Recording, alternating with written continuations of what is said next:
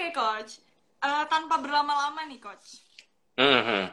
Aku pengen langsung bahas aja deh, udah kepo-kepo juga. Aku juga udah share kan kemarin ke teman-temanku soal hari ini kita mau ngebahas soal apa, terus kayak teman-teman langsung kayak, sumpah Tel mau ngebahas soal bucin, sumpah ini perlu banget dibahas gitu. Ih seru banget bakal join dan sebagainya gitu.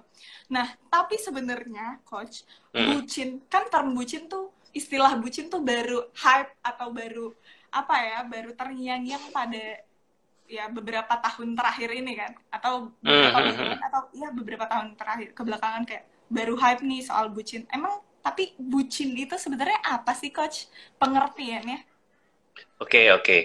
Bener sih kamu Teli tadi bilangnya kan bucin tuh baru rame belakangan tahun ini. Bahkan kalau di Google ya kata Google ada dibilang dari tahun 2019 baru mulai sebenarnya baru mulai rising. Mm -hmm. nah kat, eh, tahun lalu. Kata bucin memang baru tahun ini atau tahun lalu beredarnya. Tapi perilaku bucin itu udah sepanjang zaman manusia ada ya jadi yeah. jangan nanya definisinya karena kalau ditanya sama 10 orang teli 10 orang bakal punya definisi masing-masing tapi hmm. kalau kita bicara perilakunya contoh-contoh bucin biasanya mm -hmm. ditunjukkan dengan seseorang yang menyerahkan segalanya demi pasangan ya menyerahkan Segalanya? menuruti ya beneran menuruti, ngikutin, muasin, pokoknya semua itu istilahnya kayak gue gue serahkan diri gue terserah gitu loh. Yang penting lo happy, gue akan tolong lo, gue akan rawat lo. Jadi bucin itu makanya katanya budak gitu. Budak kan tuh dimiliki sama iya. pemiliknya kan. Ya, gitu loh.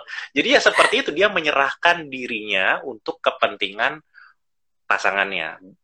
Kayak gitu tuh. Tuh, tuh contoh-contohnya aja seperti itu. Misalnya kayak uh, uh, nurut mulu gitu kan, nurut apa pun yang hmm. diminta sama pasangan. Kalau misalnya pasangan nggak suka, misalnya pasangan marah langsung nanya aku salah ya, aku minta maaf. Padahal, padahal belum apa-apa langsung nanya aku salahnya di mana. Atau contoh lagi nih, misalnya pasangan yang selingkuh ya, pasangan kita yang hmm. selingkuh sebenarnya. Terus kita yang nanya sama dia, aku kurangnya di mana sih?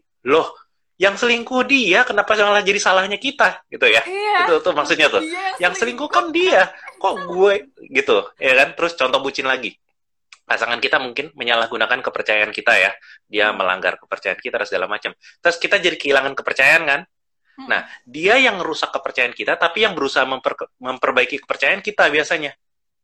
Sering nggak? Sering nggak ketemu kayak gitu? Pasangan ya kan? Yang rusak pasangan tapi kok yang perbaikin kita? Ya. gitu ya. Nah itu juga contoh bucin tuh. Jadi kayak kayak diperbudak gitu loh untuk kepentingan orang sehingga dirinya nilainya jadi rendah dan dan di kasus-kasus yang parah ya bisa sampai ditindas, di abuse, di, gitu hmm. diabaikan. Itu kasus-kasus yang ekstrimnya